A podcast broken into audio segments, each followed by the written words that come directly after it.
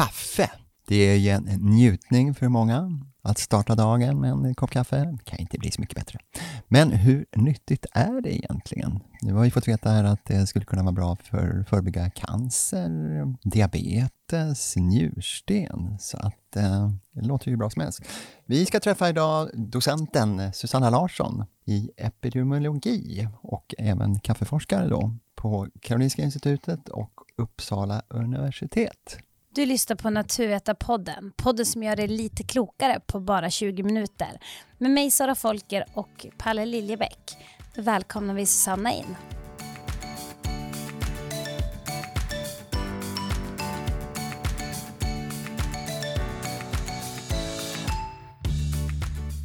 Att kaffe gör oss pigga, det är ju allmänt känt.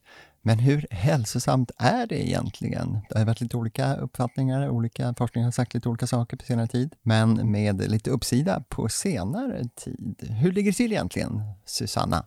Ja, forskningen har gått lite fram och tillbaks där när det gäller kaffe och olika hälsoeffekter. Från början trodde man att eh, kaffe skulle då vara skadligt för hälsan. Bland annat studier på kaffe och cancer visade att det fanns en ökad risk att drabbas av cancer om man drack mer kaffe.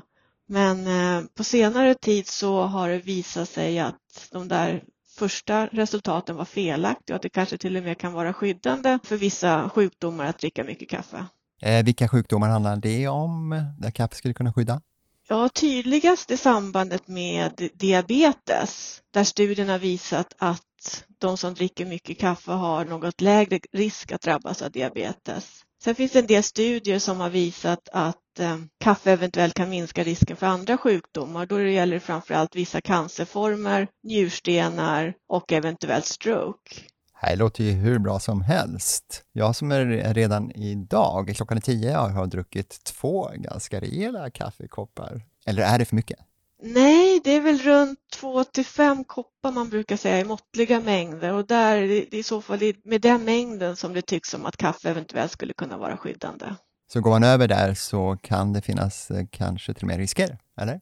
Ja, eventuellt. Det finns en del studier som har sett att det är U-format samband så att om man dricker mer än 5-6 koppar per dag så kan det eventuellt öka blodtrycket och risken för hjärt-kärlsjukdomar. Men är det då liksom kaffet i sig eller är det mer liksom koffeinet?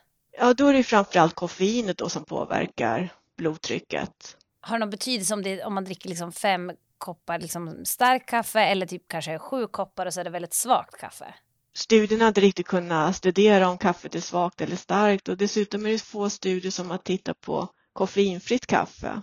Men det skulle kunna vara en fördel kanske, och framförallt om man har sömnsvårigheter, att kanske dricka det här koffeinfria. Ja, det skulle det kunna vara. Är det lika gott? Jag tror det smakar ungefär likadant. Så man skulle liksom inte kunna urskilja det, ta det om man har ett blindtest, tror du? Jag tror inte det faktiskt. Men vad är anledningen till att vi liksom blir pigga av kaffe? Alltså vad gör, eller det är väl koffeinet, men vad gör koffeinet med oss och våra celler?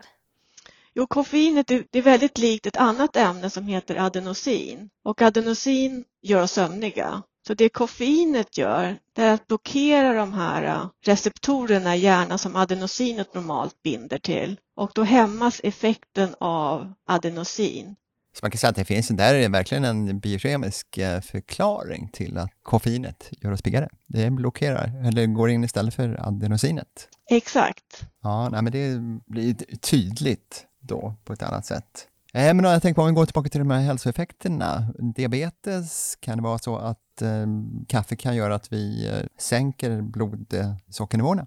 Det var faktiskt en nyligen studie som vi gjorde. Då tittade vi på um, nivåerna av koffein i blodet, eller mer personer som är långsamma på att bryta ner koffeinet i blodet. De har ju högre nivåer av koffein och eh, då har vi sett att det är kopplat till dels lägre BMI, om man har högre koffeinnivåer, lägre BMI, lägre fettmassa och lägre risk för diabetes. Och ungefär hälften av sambanden mellan koffein och diabetes kunde förklaras av BMI. Så du menar att det skulle kunna vara, har man högt BMI så skulle det vara bättre med kaffe, eller? Ja, nej, så kunde vi inte studera riktigt, men eh, det är det att ett högt BMI är en stark riskfaktor för diabetes och koffeinet kan påverka metabolismen och eh, göra så att man får lägre BMI. som i sin tur minskar risken för diabetes.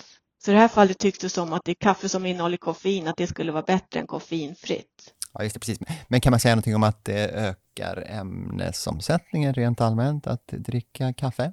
Ja, man vet inte exakt hur det påverkar, men tidigare studier har sett att, att det finns en liten effekt av koffein på ökad ämnesomsättning och eh, kroppstemperatur bland annat. Så det skulle, är det man vill gå ner i vikt, eller kanske inte höja vikten, så skulle kaffe kunna vara lite verkningsfullt här? Ja, så skulle det kunna vara. Ja, men det låter ju glädjande för, för många säkert. Och det här finns studier då som eh, styrker det här, liksom ett flertal. Eh, du tänkte på kaffe och diabetes? Ja, eller jag tänkte egentligen på eh, kaffe och mindre risk för att gå upp i vikt. Ja, det är mer kort, korttidsstudier som har visat det. Men det är väldigt små effekter. Vi pratar inte om fler, att man rasar flera kilo om man börjar dricka kaffe, utan men på lång sikt, på flera års tid, så tycks det som att högre koffein i blodet kan vara kopplat till lägre BMI. Ja, men det är lite goda nyheter ju. Och det här med cancern då, hur kan du förebygga cancer? Ja, precis. Från början var det, såg man då att kaffedrickare hade högre risk för vissa cancerformer, bland annat urinblåsecancer.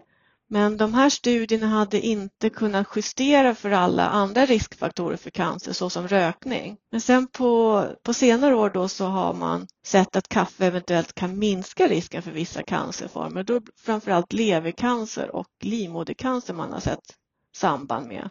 Eh, men man vet inte exakt hur, hur de här sambanden förklaras och vad det är i kaffe. Men det finns ju antioxidanter och sånt som skulle kunna vara skyddande. Ja, nej, men det kan man tänka sig att det kryllar ut av antioxidanter i kaffe, kanske ännu mer än i, jag, jag tänker man jämför med te till exempel. Kan man se lite samma effekter där tror du, eller är det kaffe som är, liksom är utmärkelse? Det verkar framförallt som att det är kaffe då som vi ser effekten. Te verkar inte vara lika, lika bra för hälsan. In, inte, inte att det är skadligt, men att det är färre positiva effekter. Och det gäller även de här uh, teerna i olika färger, röda, svarta, gröna. Det finns inga studier direkt på de här äh, roibos och grönt te och sånt där, utan det är mest svart te man har tittat på hittills. Det är en del studier från, från Asien, Japan och Kina där de har tittat på grönt te och äh, de har väl sett, ja det är ganska blandade resultat faktiskt. Det är, det är svårt att säga, dra några slutsatser baserat på de, de studierna. Och sen är det som du är inne på, att det är väl alltid svårt just när det gäller mat och dryck, att särskilja, att liksom verkligen dra slutsatserna till kaffe som är orsaken. Och sen som du var inne på det här med att koppla ihop det med rökning, att eh, kaffe och rökning hängde väl ihop särskilt tidigare? Exakt. Det var därför man såg då i tidigare studier att det fanns en ökad risk för vissa sjukdomar bland kaffekonsumenterna. Och samma sak nu så vet man ju inte riktigt om det är, om det faktiskt är kaffe som eventuellt är skyddande eller om det är så att kaffedrickare har andra skyddande faktorer.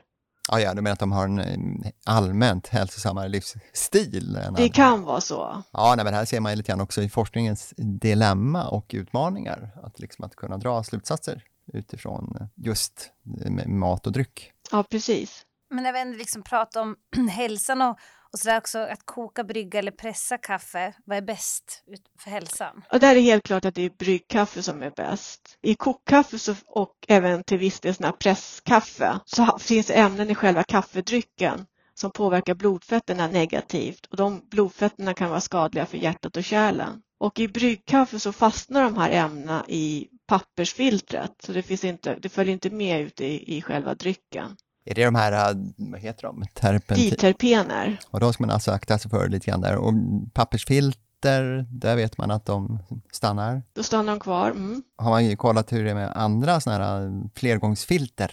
Man har ju sett till exempel de här äh, de som är gjorda av metall och sånt, då kan det fortfarande komma igenom, de här diterpenerna kan, kan komma igenom det där, de där filtren. Så just pappersfiltret är det mest effektiva för att stoppa. Så att egentligen så är det bryggkaffe då med papper, låter ju som att det här, det skulle ju vara melodin. Ja, absolut. Sen är det kanske inte alltid miljövänligt förstås, men då får man ju göra överväganden där. Jag tänkte på det här med eh, att vi reagerar så olika på kaffe. Jag kan ju eh, dricka kaffe vid åtta tider på kvällen utan att eh, ha några problem med att sova, medan andra undviker kaffe efter klockan två på eftermiddagen. Hur kan det komma sig att det är så olika?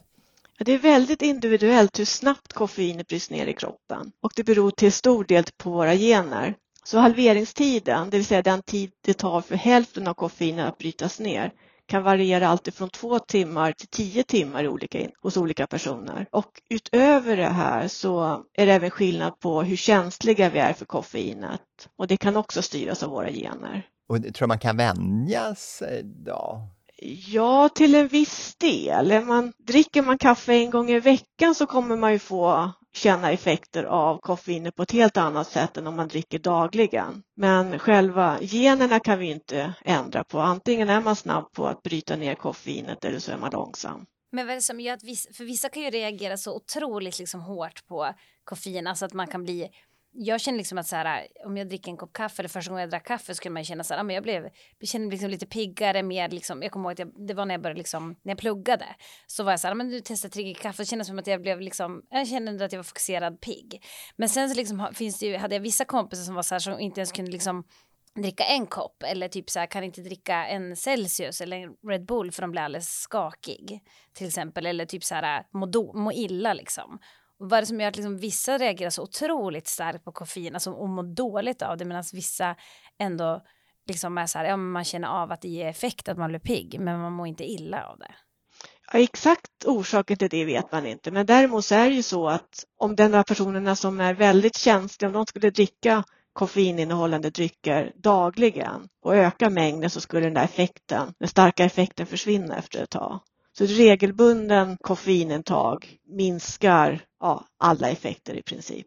Så egentligen är det liksom lite van att vissa kanske är mer känsliga då och då kanske man måste vänja in sig koffeinet medan vissa är inte lika känsliga och då kan man liksom dricka, dricka koffein utan att man kanske mår dåligt av det helt enkelt. Ja, precis. Och samma effekter kan man se, eller samma skillnader kan man se när det gäller magen, hur den påverkas. Att i vissa påverkas inte alls, medan andra kan inte dricka kaffe överhuvudtaget. Nej, det går inte, magen är, klarar inte det här. Men det är, kanske handlar mer om eh, olika, hur ma magen fungerar. Ja, exakt. Och det är oklart varför det är så här. Men en trolig förklaring är ju att personer som redan har problem med magen, att det är de som får även problem om de dricker kaffe medan en person som har en järnmage kanske klarar sig bättre. Ett annat spår i det här, det är ju rostningen. Om det ska vara ljusrostat, mellanrostat eller mörkrostat. Själv föredrar jag mörkrostat. Det är kanske viktigare ja. till och med än själva märket på kaffet. Jo, det som händer när man, ju, ju mörkare rostat kaffet är, desto mindre koffein finns kvar, för koffeinet bryts ner i själva rostningsprocessen. Så att ett mörkrostat kaffe borde ju i så fall vara, eh, ha mindre effekt, en uppiggande effekt eftersom mängden koffein är lägre. Jaha, nej, men det kanske förklarar då till att jag klarar kaffe så bra. kan vara. Men jag tänker att det ändå måste vara lite positivt. Alltså jag tänker att man inte får i sig så jättemycket koffein då. Ja, absolut tänker jag. Mm. Mm. Just det, du var inne på det här med uh, kopplingen till uh, njursten. Att det skulle kunna finnas ett positivt samband där, även där. Ja, exakt. Fördel. Så det har vi sett nu i ja, ganska ny, nya studier att eh, högre kaffekonsumtion är kopplat till lägre risk för njurstenar. Det kan bero på att, att kaffe då ökar mängden urin då helt enkelt. Så det späder ut andra farliga ämnen i, i njurarna. Men är det urindrivande? Det brukar man ju mm, hävda ibland, alltså lite grann på samma nivå som alkohol. Nej, det är inte in, urindrivande på så sätt att man, att man förlorar mer vätska än man får i sig via kaffet. Däremot så ökar ju mängden urin om man, i förhållande till hur mycket kaffe man, man dricker. Men det är som sagt man blir inte, vad säger man? Ja, det är inte uttorkande. Det kanske Nej, är det allra exakt. viktigaste heta sommardagar till exempel så kan man dricka kaffe utan problem. Absolut. Mm. Men vet man någonting om alltså hur lång tid det tar eller är det också individuellt kanske från person till person? För vissa är ju verkligen så här kan inte liksom vara utan kaffe en dag för då har de huvudvärk och det är väl någon form av liksom kanske att man är beroende av koffeinet. Men är det också individuellt eller har det handlat om kanske hur länge man har druckit kaffe eller, eller liksom hur mycket man dricker? Ja, det är nog hur, hur regelbunden man dricker och hur stora mängder man dricker det kan ändå vara då från person till person men ändå också kanske då hur, ja men beroende på hur mycket man dricker och har man druckit kaffe flera år kanske man blir känsligare för att skippa en dag än om man bara druckit kaffe ett år liksom. Troligen är det så, ja. Men ingen, man tror, det finns ingen så här um, ålder. Alltså att man är så här, uh, när man är i 20-årsåldern och dricker kaffe så kan man dricka en kopp klockan 10 och gå och lägga sig. Så har man märkt att personer som blir, kanske är i 50-årsåldern, att de blir känsligare för. För jag tycker ofta det känns som att äldre, alltså när jag träffar personer som är eh, liksom i 20-årsåldern, att de så här, det känns som att de dricker kaffe, kaffe så. Och sen när man pratar med liksom äldre, så då kan jag liksom märka att de är så här, nej men jag ska inte dricka något kaffe för att eh, då kan inte jag sova. Att det är mer känsligt, men det är kanske bara en tillfällighet. Det kan mycket väl vara så att ålder påverkar hur, hur snabbt man, man bryter ner koffeinet också. Men man vet inte säkert liksom. Nej. Nej. Hur du, jag tänkte innan vi slutar här, kunde det vara lite intressant att eh, blicka tillbaka lite grann. Hur länge har vi liksom druckit kaffe och eh, när kom det till Sverige och när blev det liksom en dryck för alla? Ja, precis. Men kaffe kom till Sverige redan vid slutet av 1600-talet. Men i början var det riktigt dyrt, så det var bara de rika som hade råd att dricka kaffe. Men sen under 1800-talet så började priset bli lite mera överkomligt så att det var fler i Sverige som hade råd att dricka kaffe. Och man brukar säga att ungefär omkring sekelskiftet 1900-talet som, som man började betrakta kaffe som en svensk nat nationaldryck. Så det är relativt sent ändå kan man säga. Finnarna är väl värst, de dricker mest kaffe. Finnarna är värst och vi ja, kommer på två andra plats. Där, ja. Och det kan man ju spekulera varför vi skandinavier, nordbor, dricker mycket kaffe. Ja, det kan ju vara att det är lite kallare här uppe i, i Norden jämfört med ja, andra delar av världen. Så att att vi vill dricka mer kaffe under vintertiden eller någonting sånt där. Men vet man varför, liksom, varför just kaffe och kanske inte te blivit det stora? Om man tänker som i liksom Storbritannien, där teet är liksom, det är ju te som gäller före kaffe. Och då tänker ja. jag, vet man någonting varför det just blivit kaffe här? Nej, faktiskt inte. Då har det lite grann som att vi har fått svar på alla frågor Ja. vi vill ställa om kaffe. Om inte du vill tillägga någonting Susanna, som du känner att det här har man ju missat. Nej, jag kommer nog inte på någonting mer. Ja, men i så fall så tycker jag vi eh, tackar Susanna Larsson så mycket och konstaterar då att vi kan fortsätta att dricka kaffe med gott samvete. Är min känsla. Ja, absolut. Tackar! Tack så mycket. Hej, hej!